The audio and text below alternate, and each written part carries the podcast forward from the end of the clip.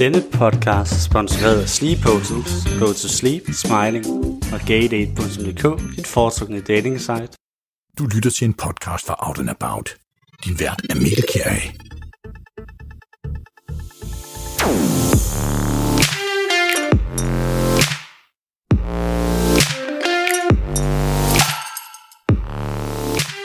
Velkommen til Out and About 6, som er vores premiere på den her kvartalspodcast om sex, fitness og livsstil. Jeg ser meget frem til at skulle udgive denne podcast, som er unik og det første af slagsen, som sætter fokus på mænd, der dyrker sex med mænd og omhandler sexvaner og fitness.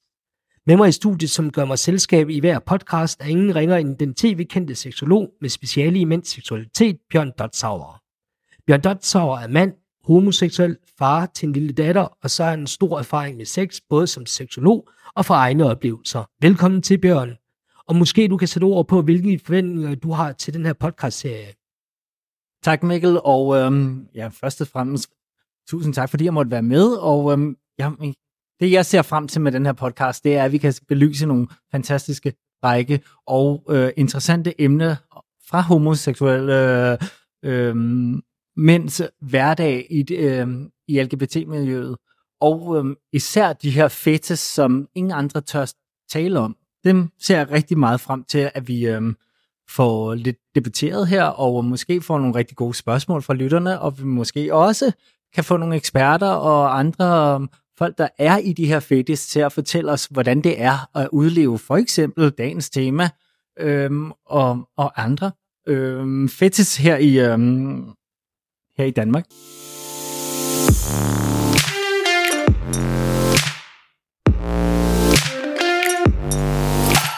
I dagens podcast sætter vi fokus på trækkerdrenge, escortfyre og sugar boys. Dette tema er blevet et ønske af flere af jer lyttere, som deltog i den store sexundersøgelse forbi og homoseksuelle. Du kan stadig nå at deltage i sexundersøgelsen ved at finde link i beskrivelsen af denne podcast. I 2005 lavede man en undersøgelse blandt unge 15-22-årige om sex for penge eller andre materielle goder. Og i undersøgelsen rystede både forskere og fik øh, meget medieomtale, da det viste sig, at antallet af unge mænd under 18 år var i overrepræsentation. Dengang viste undersøgelsen, at det var 2% af en årgang, som svarede til 600, som jævnligt fik betaling for sex.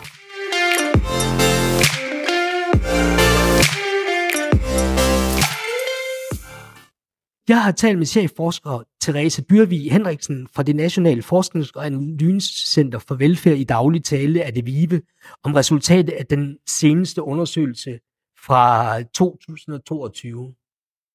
Therese Dyrvi Henriksen, du er forsker i prostitution hos det Nationale Forsknings- og Analysecenter for Velfærd. Kan du fortælle mig, hvad jeres seneste forskning fortæller med hensyn til, at unge drenge, der sælger sex for penge eller materielle goder, har gjort jer klogere på? Øh, ja, det kan jeg godt. Altså, vi har øh, nogle forskellige undersøgelser, som øh, peger ind i det her. Øh, vi har blandt øh, og som undersøger det her med unges øh, sexsalg og sexsalg generelt.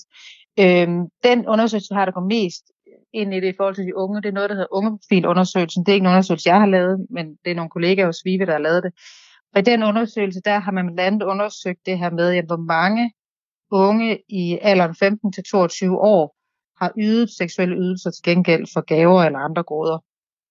Øhm, og det der jo så, øh, det man så finder ud af i den undersøgelse, det er jo, det er, at faktisk 3% af unge mænd i aldersgruppen har ydet noget seksuelt øh, til gengæld for gaver eller goder, mens det er 2% af, af unge kvinder i samme aldersgruppe. Men kan du sige sådan noget om, øh, hvorfor du tror, at det generelt er øh, mænd, der er i overtal? Ja, altså det er jo, og det er jo sådan lidt, øh, det er jo lidt svært at, at, at, at sige noget om, men man kan sige, at det vi ved fra, fra andre dele af forskning, som jeg har været inde i, som handler om voksne mænd, der sælger sex, altså noget af det, de fortæller, og noget af det, vi ved fra den generelle forskning, det er, at øh, mænd, der sælger sex, de sælger ofte sex øh, i kortere tid, end hvis man sammenligner med kvinder.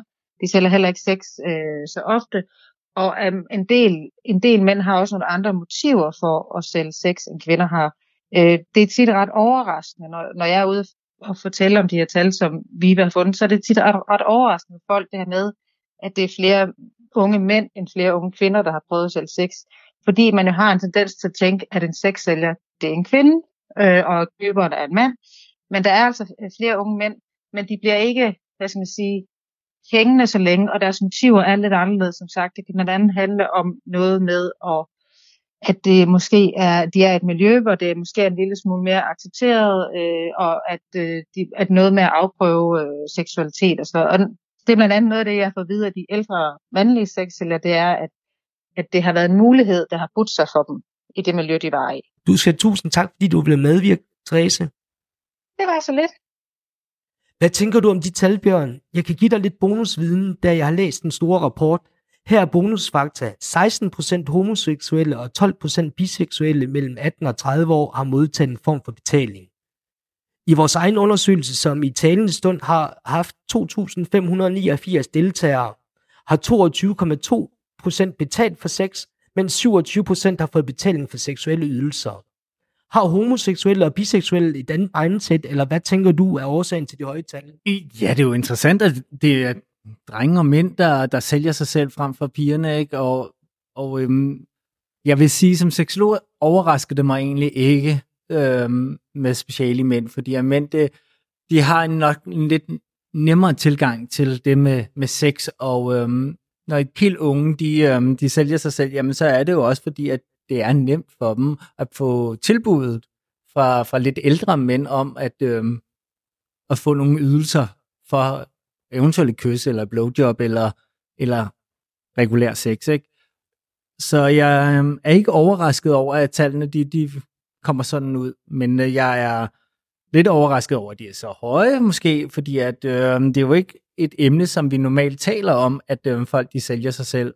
Og ja, det synes jeg faktisk er, er vigtigt, at vi belyser øh, i miljøet, at der er faktisk nogle øh, unge mænd her, som måske har et øh, kommer ud i en afhængighed af, at øh, det er måske lidt tjente penge, og det er måske lidt øh, et skråplan for deres, øh, for deres øh, ellers øh, op, øhm, udvikling i, øhm, i den seksuelle verden, fordi det, som jeg kan forstå det ud fra undersøgelsen, så er det jo helt unge drenge, også ned til en, en 15 år, som faktisk skal til at lære deres seksuelle grænser og værdier at kende, men de bliver faktisk købt til at overskride deres grænser, og det synes jeg godt kan blive et problem på sigt. Therese nævner, at det er mest unge sexarbejdere inden for mandlig prostitution. Øh, de bliver ikke så gamle i det her fag. Hvordan tænker du, at det kan være? Jeg tænker, at øhm, der er en tendens til at kigge på, på de unge, og, og der er jo det her tweet-miljø, hvor at øhm, twins, de er øhm, dem, som er meget populære, øhm, også hos de lidt ældre homoseksuelle, og her taler jeg 35 plus. Det er også de helt unge, som måske er lidt usikre og måske lidt øhm, naive i deres tilgang til, til sex, og så ved vi jo også, at mænd de, de har en lettere tilgang til, til deres egen krop end og en, en anden forståelse for, for, for deres krop, fordi det er lidt, de har deres øh, pik i hånden dagligt, når de tisser og når de leger med sig selv og sådan noget. Så det er jo lidt nemmere for dem at, at give den her ydelse, end det er for, for pigerne. Og jeg tror også, at, at det er derfor, at øhm, de unge drenge de, øhm, og mænd, de, øhm, de er så populære hos, hos alle andre, som vil give penge for det her, fordi at de er, de er, det er nemt at få dem. I forbindelse med min næste indslag, som er et interview med Malte, blev til ved, at jeg oprettede en profil på Grindr og Boyfriend, fordi jeg hørte et rygte om, at det er herinde, at man søger øh, sugar daddies. Øh, jeg oprettede en profil, og det overraskede mig at øh, læse i chatten på Boyfriend den første gang, jeg var inde, at der var det øh, unge, der skrev, gavmild fyr søger, og sugar daddy søges, og på Grindr blev jeg ofte mødt med, om jeg var gavmild. Det var drenge, som skrev, at de var 18 i deres profil, men det skyldes, at det er alderen på minimumsgrænsen, så øh, når man skrev med dem, så skrev de ofte, at de var yngre. En af de drenge, jeg mødte på Boyfriend, kalder vi for Malte. Interviewet er indtalt af en skuespiller, da Malte ønsker at forblive anonym. Men lyt med her. Hej Malte, som vi kalder dig her i interviewet. Da du gerne vil forblive anonym, det har vi naturligvis respekteret, og når du taler, så har vi i stedet for valgt at sløre din stemme, som kan gøre, at det er lidt svært at forstå, så har vi haft en skuespiller til at indtale det, som du har sagt i interviewet. Men velkommen til Malte. Tak skal du have, tror jeg nok. Jeg er meget nervøs over det der interview. Mere nervøs, end når jeg skal mødes med en kunde. Malte, du er 16 år, snart 17 år, og blandt andet anonym, fordi at det er faktisk ulovligt, det du foretager dig. Den danske lov lyder sådan. Den danske lovgivning om prostitution. I Danmark er det lovligt at købe seksuelle ydelser af en person uanset køn, som er fyldt 18 år. Er personen under 18 år, er det derimod strafbart. Straffelovens paragraf 224, som kan give fængsel op til 6 år. Men hvad, Malte, vil du ikke præsentere dig selv, og hvad er din motivation for at starte med de her seksuelle ydelser? Okay. Jamen, jeg kan da godt prøve. Jeg hedder Malte, jeg er snart 17 år.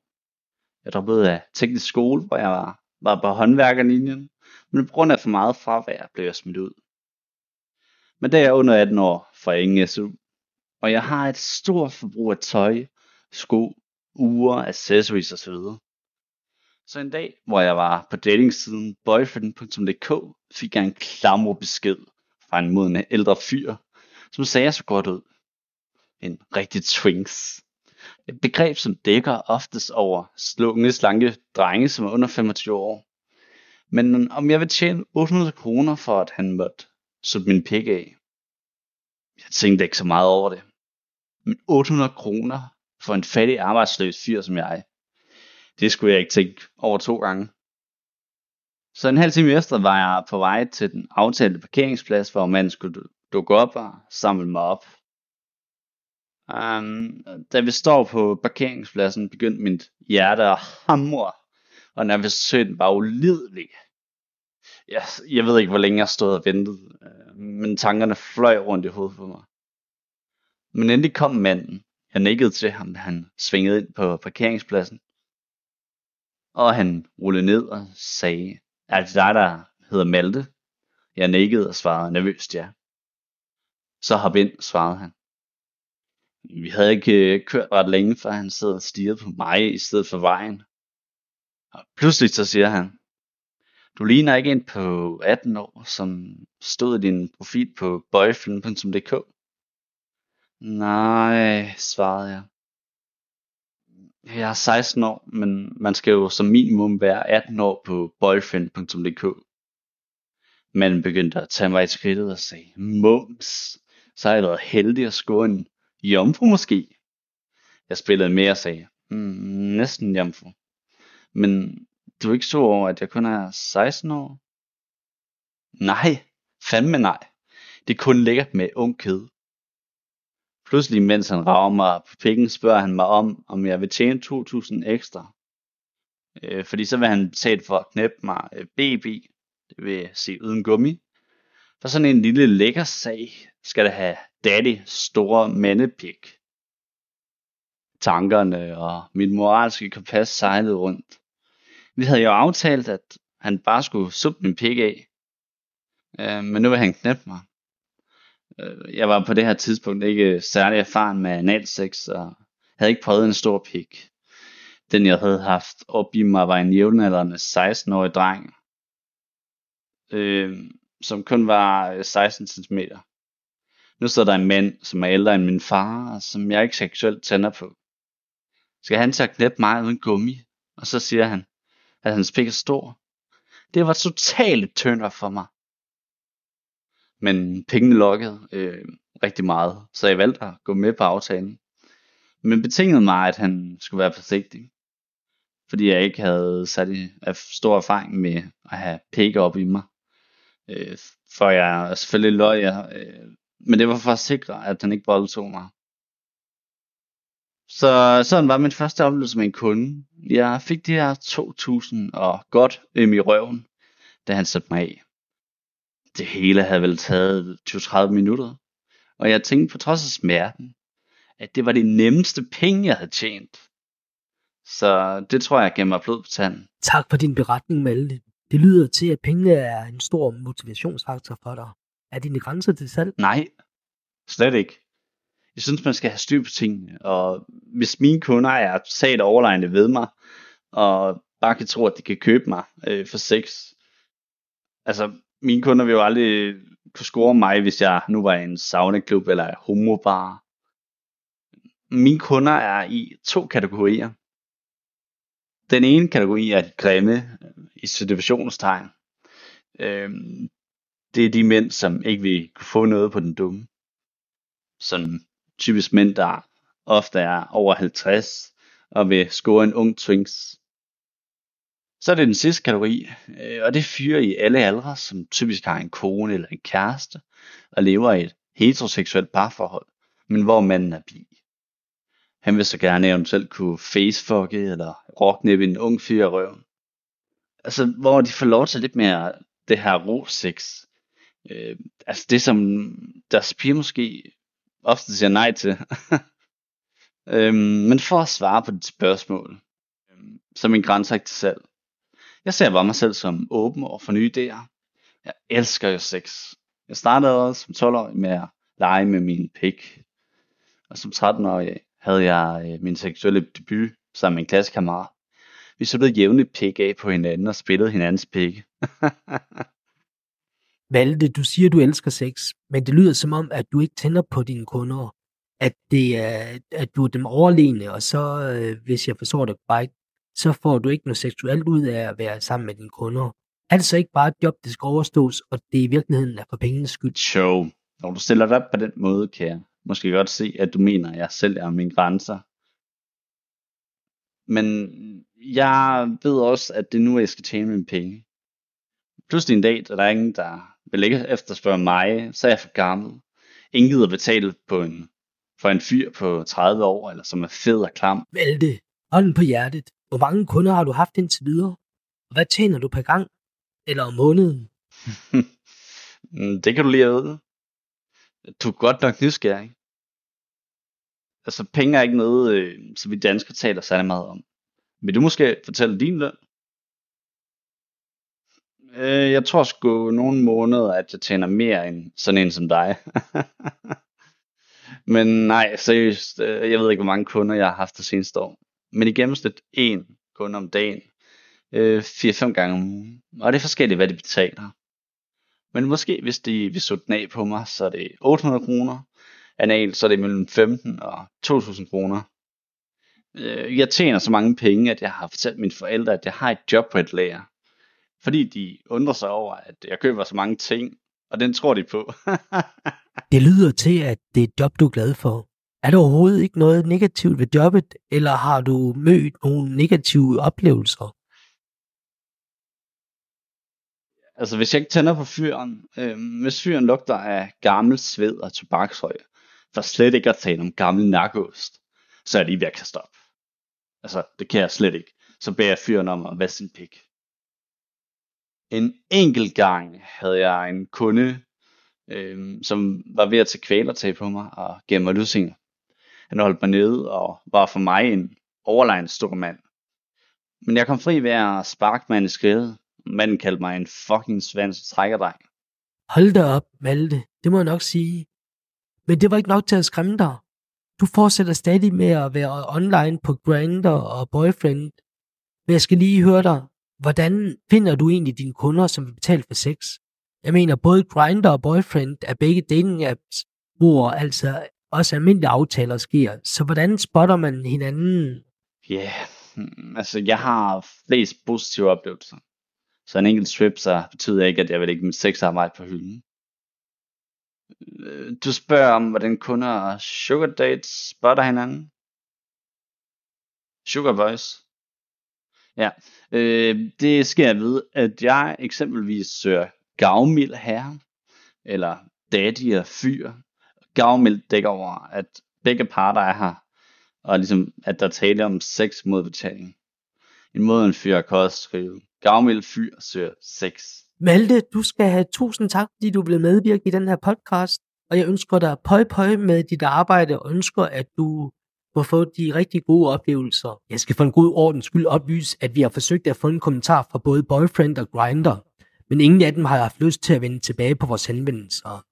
Vi vil gerne have at vide, hvad de gør for, at unge under 18 år ikke misbruger deres service, men som sagt har de ikke vendt tilbage.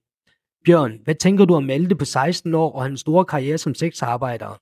Hvad tænker du som professionel psykolog, seksolog? Først og fremmest vil jeg synes, at det er ret modigt af, af ham Malte, at han står frem og fortæller sin stor historie, fordi at der er rigtig mange måske, der kan, nikke genkende til, øhm, til den oplevelse, som han har med at, at øhm, være trækkerdreng eller sugarboy. Øhm, og øhm, jeg tænker jo, det er jo en trist start på, på livet, og især det seksuelle liv, at man finder ud af, at det er nemt tjente penge, og at man måske skal... Øh... Jeg hører Malte sige, at man ikke skal sælge ud af sine øh, grænser, og man skal stå ved sig selv og sådan ting, men jeg hører ham også i den grad sige, at øh, hvis en, for, en fyr vil øh, betale 2.000 kroner for at, at knippe ham, jamen så, så er hans grænser jo faktisk til salg her. Og så han modsiger jo rigtig meget sig selv i, øh, i det der med, at hans grænser er i den grad til salg, og det er jo det, jeg synes er foruroligende med, med de her unge drenge, som er helt ned til en 16, ja 15 år måske, og endda måske også yngre nogle gange, at de sælger sig selv for, til noget, som de overhovedet ikke øh, ved, hvad, hvad kan indebære på, på sigt, og, og deres for, forhold til øh, sex og intimitet med, med en kæreste og en partner på, på den lange bane. Og det er for uroligende, fordi det her det er nogle år i ens liv, hvor man skal, skal være sammen med jævnaldrende og udforske sin krop på, på en jævnbyrdig måde, og, og gå stille og roligt til værks, fordi så bliver nydelsen øhm, og oplevelsen med sex og intimitet så meget bedre. Og det, som jeg hører Malte sige, jamen det er jo, at han bliver presset til den ene øhm, ekstreme hændelse efter den anden, og, og det, det sætter sine spor på sigt. Øhm, det kan jeg ikke. Det kan ikke andet. Og jeg har jo talt med, med folk, som har været i det her miljø, som siger, at øhm, de har svært ved at binde sig, de har svært ved at have et intimitet, øh, øh intimt forhold øh, med en partner. Og, og der, det kræver rigtig mange sektioner at få talt de her episoder igennem, og bare få dem til at måske også bare holde af deres egen krop, fordi at det, deres krop har været et objekt, og lige pludselig bliver de vævet, fordi at de bliver for gamle. Ja, nu synes jeg jo ikke, at 30 er, er for gammelt overhovedet, men, men i den her verden, der er det bare for gammelt, øh, og, og så får man det et skævt billede af sin, sin krop, men også sit øh, selvbillede, som man, øh, man skal have med sig resten af sit liv. Tak for din betragtning, Bjørn. Og I skal naturligvis heller ikke snydes, for vi har snakket med en kunde. Jeg hedder Sune, jeg er 49 år, og jeg bor i København. Hvorfor køber du sex? Jeg køber sex, fordi det er en nem måde at blive tilfredsstillet på. Øh, ud fra, hvad det er, man lige tænder på. Hvad tænder du på, som er svært at finde, øh, for eksempel bare på Boyfriend eller Grinder? Jamen, nu er jeg ikke på Boyfriend, øh, men jeg er på Grinder, Øhm, og det, det, jeg tænder på, det er primært unge fyre. Øh, og dem finder jeg gennem Snapchat. Og så øh, Grinder, der, der er ikke lige det klientel, som jeg leder efter, synes jeg. Ikke mere. Kan du prøve at beskrive den perfekte Sugar Boys trækkerdreng? Åh oh, ja, den perfekte øh, trækkerdreng, han er nok et sted mellem 16 og 20. Øh, 71 høj og vejer en 50-60 kilo gerne lyshåret og blå øjne, men altså Bambi-øjne, de tænder også meget godt. Øh, helst slank, selvfølgelig, eller tynd. Og hvad er det så, du køber af de drenge? Hvad er det for nogle seksuelle ydelser? Jamen altså, det jeg øh, køber øh, primært, det er jo... Øh, det er jo sex, hvor vi enten så er jeg aktiv eller passiv. Jeg er mest øh, aktiv, når det kommer til de helt unge drenge, øh, og så er jeg passiv, når fyren bliver lidt ældre øh, eller ældre og ældre. Dem, som øh, jeg har, de er 23 og 27. Øh, 27 som den ældste. Øh, og der er det analsex, øh, jeg køber enten mig som aktiv passiv, eller også så er det noget så simpelt som et handjob eller et blowjob. Synes du, det er et overgreb på de fyre, der er under 18 år? Uh, jeg synes ikke, det er et overgreb, hvis personen under 18 år selv er interesseret i det. Øh, jeg gør meget ud af, at jeg ikke øh, gør noget, som de ikke selv vil, og det skal være trygge rammer, så vi taler om tingene på forhånd, hvad vi synes, der skal ske, Øh, og hvis der er noget, der kommer ud af øh, de retningslinjer, vi har givet, jamen, så stopper vi ganske enkelt. Kan du fortælle om den frækkeste oplevelse med en Sugar Boys trækkerdreng? Den frækkeste oplevelse, det var nok øh, en ung fyr, hvor øh, jeg skulle møde ham, hvor jeg, øh, jeg skulle møde ham efter skole. Og så øh, gik vi en tur ned langs søerne. Og så, øh, så lige pludselig så trækker han sin, hvad hedder, sin joggingbukser ned, så man kan se hans brev mens der går andre folk rundt. Men øh, der er ikke nogen, der vender sig om, og jeg kigger jo bare på den der dejlige, lækre røv. Øh, og det ender så med, at vi får aftalt, at der skal ske noget nu og her. Og så går vi så hen. Han kender et sted, øh, hvor vi går hen i en, øh, hvad man siger, en lille park. Og så er vi så seks der, øh, og jeg, øh, jeg boller ham, og han kommer sådan forholdsvis hurtigt øh, derefter.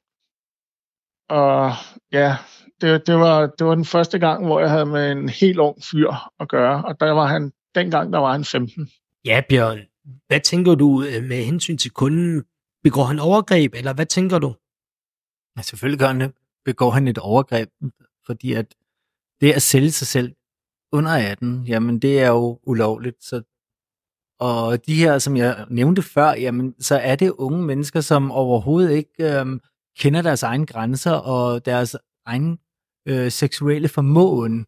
Så, så det her det er blevet en, en, en farlig trædemølle for dem, hvor at de, de har fundet ud af, at øh, de kan tjene penge meget let ved at sælge deres krop som, øh, som voksne mænd og ikke skulle skal lege med, altså de skal lege med øh, nogle jævnaldrende og udforske deres krop, som jeg sagde lige før, og og finde deres egne grænser, inden at de begynder at sælge sig selv.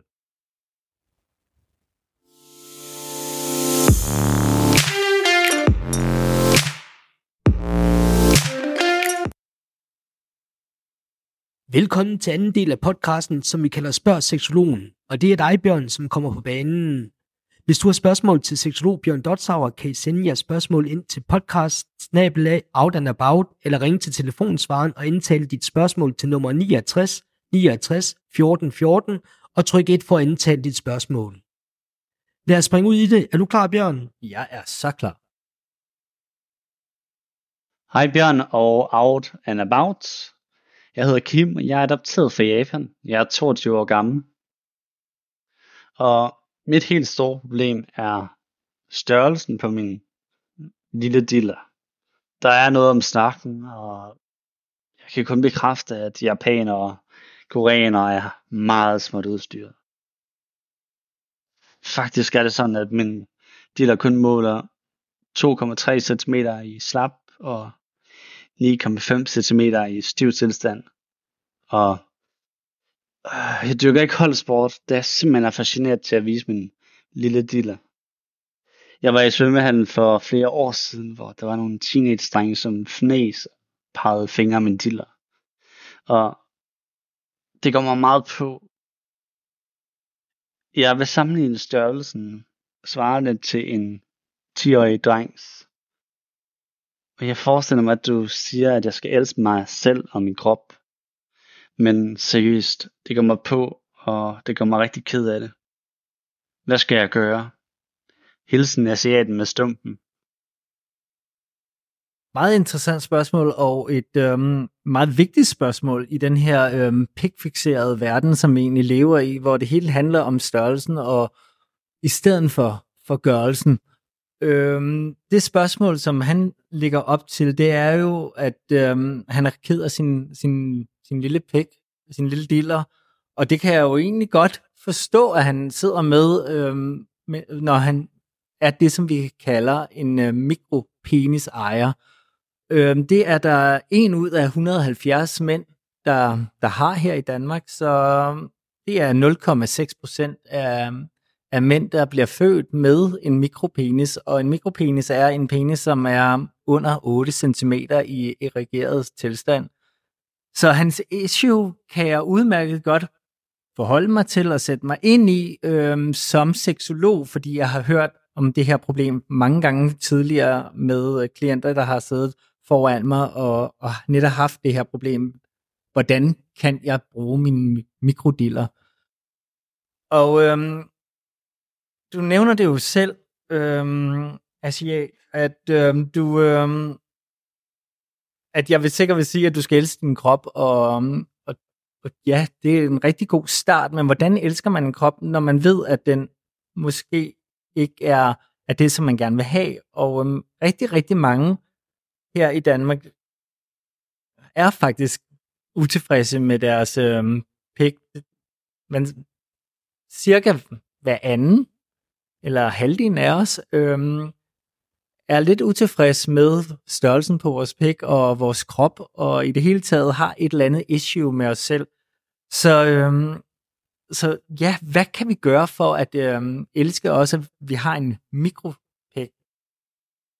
Der findes nogle redskaber, der findes penispumper, der findes øhm, nogle strap-on øh, dildoer, man kan sætte på, så, så man kan sætte øhm, sin lille diller ind i en større dildo, og så derved kunne udfylde, hvis man er den aktive del. Og, øhm, og så er det jo bare det der med, at det er jo gørelsen, så en lille penis kan godt lege med ringmusklen på en måde, hvor at det er det bliver en nydelse for, for os, den modtagende part, hvis øhm, du er den aktive. Men Bjørn, han vil jo heller ikke gå til sport eller fællesbade. Nej, og det er jo en øh, stor skam, at øhm, han, han fravælger sådan nogle vigtige ting, som for eksempel svømmehallen og på grund af en dårlig oplevelse. Og jeg kan udmærket godt forstå, at øh, han har fået en dårlig oplevelse, øh, når der er nogle teenage-drenge, der, der fniser. Men her igen, der må man sige, jamen, teenage-drenge er, og i det hele taget unge mennesker, er meget usikre på sig selv. Så det, han har oplevet, er jo deres egen usikkerhed på, øhm, på, på deres seksualitet og deres egen krop. Så han skal ja, overvinde den frygt og, og se at komme ud og, og nyde livet lidt. Tak skal du have, Bjørn. Jeg tror, vi kan nå et spørgsmål mere. Ja, gerne. Hej Mikkel og Bjørn. Jeg har et spørgsmål til jer. Har I nogle tips til, hvad man kan klare deep en pig på 20 cm til rummet? Min kæreste tænder på at få hele hans pik ned i dybt i halsen, så han kan se min hals form af hans store pik. Jeg vil gerne glæde ham ved at kunne mestre denne disciplin. Og min kæreste og jeg ser oftest porno, hvor den dominerende halsknæpper den passive, så den passive gagger og kaster slim op. Så kan I give mig nogle tips til, hvordan min hals skal udvide sig så meget, at jeg kan klare hans tykke pik? Hilsen Deep Throat lærling. Jamen, det er jo et totalt pornospørgsmål, det her, fordi at det er jo de færreste, der kan tage en 20 cm lang pik øh, ned i halsen øh, uden oplæring. Blowjob er jo noget, som, som kan være meget grænseoverskridende, for her er det jo noget med, at man får noget ind i munden og skal omsluge det her, og, og det er lidt mod naturen at få det helt ned i halsen. Så jeg kan godt forstå, at han har problemer med at blive deep-throated, og øhm, jeg tænker lidt, at øhm, hvis man skal ud i den vej, så, øhm, så handler det meget om tillid til sin partner, og øhm, det virker som om, at her der bliver der presset noget hen over hovedet på, på den her øhm, deep-throat-lærling, og øhm, som han ikke er, er helt indforstået med, og egentlig ikke har helt lyst til. Og øhm, det bliver han jo nødt til at sige til sin partner, at, øhm, at der er en grænse her, som bliver overskrevet. Hvis han har lyst til at være lærlingen og blive trænet op i det her med deep throat, jamen så er det jo bare at øhm, gå i gang med at sutte på den og, og stille og roligt øve sig i at tage den længere og længere ned. Det kræver lang tids erfaring øh, og øvelse i at, at kunne tage sådan en stor pik.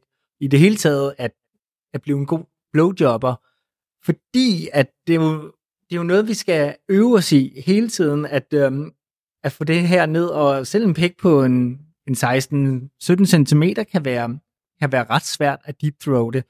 Så mit råd til ham, hvis han rigtig gerne vil, øhm, vil please sin, sin kæreste, og jeg er ikke særlig meget for, at man bare pleaser for at please, for det kan blive et overgreb på ens egen grænser, men han skriver jo selv, at han er deep throat lærlingen, så jeg må jo gå ud for, at han har lyst til at, øhm, at lære sig selv op. Så det det kræver tålmodighed og øhm, ja, en helvedes masse timer foran den der pæk og, og med den i munden. Godt, Bjørn. Vi tager lige en jingle.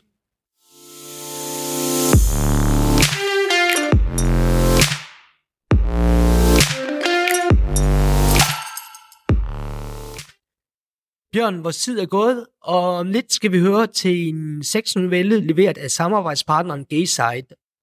Out and About 6 er produceret af ansvarshavende udgiver Bernd Svalebølle, redaktør Frank Hollen, journalist Jakob Marcel Timgaard, seksolog Bjørn Dotsauer, skuespiller og speaker Emil Thomsen, og mit navn er Mikkel Kæri, og foruden at være vært, er jeg også journalist og tilrettelægger af denne podcast. Husk at trykke subscribe og følg, hvor du lytter til den podcast. Eller klik den på outandabout.dk.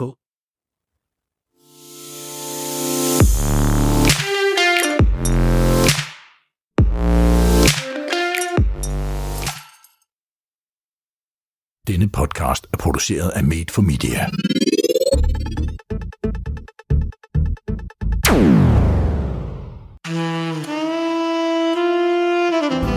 Fortællingen er leveret af gayside.dk. Her kan du læse flere helt gratis noveller. Det var en lørdag formiddag. Jeg sad foran computeren og chattede med fyre på en datingside. Jeg var længere end 22 år, og ikke specielt erfaren. Jeg var ret liderlig. Havde en forventning om, at der skulle ske noget fragt i løbet af dagen. Der skete ikke det store i det chatrum, som jeg befandt mig i. Jeg surfede lidt rundt og faldt over en kategori, som handlede om at sælge sig selv. Altså, sætte sig selv til salg til sex. Efter lidt tid var der en fyr på 47, som skrev til mig. Han spurgte ind til, hvem jeg var, og hvad jeg kunne tilbyde. Jeg svarede, at jeg ikke havde de store grænser, og han kunne skrive, hvad han gerne ville. Jeg sendte samtidig billeder af mig selv. Jeg er en lille spinkel fyr. Ikke særlig maskulin. Det tænder mange, især ældre fyre. Han spurgte, om han måtte bruge mine huller, som han lystede. Det så jeg ingen problemer i. Det tændte mig faktisk at skulle bruges som en rigtig luder. Vi aftalte at komme ud til ham om aftenen. Jeg vil få 1000 kroner for at tilbyde mig selv fra 19 til 22. Tiden nærmede sig. Jeg tog et langt bad, hvor jeg sørgede for, at jeg var helt glat. Det var en lidt underlig fornemmelse at vide, at man havde solgt sin krop til en ældre fyr. På en måde var det pigerne, men alligevel en smule skræmmende. Jeg kørte afsted, og ankom nogle minutter før aftalt. Jeg kan tydeligt huske, hvordan det føles at gå op til hans dør. Jeg bankede på. Jeg havde egentlig mest lyst til at vende om og bare køre hjem, men samtidig var jeg liderlig, og ønskede også at tjene lidt ekstra penge.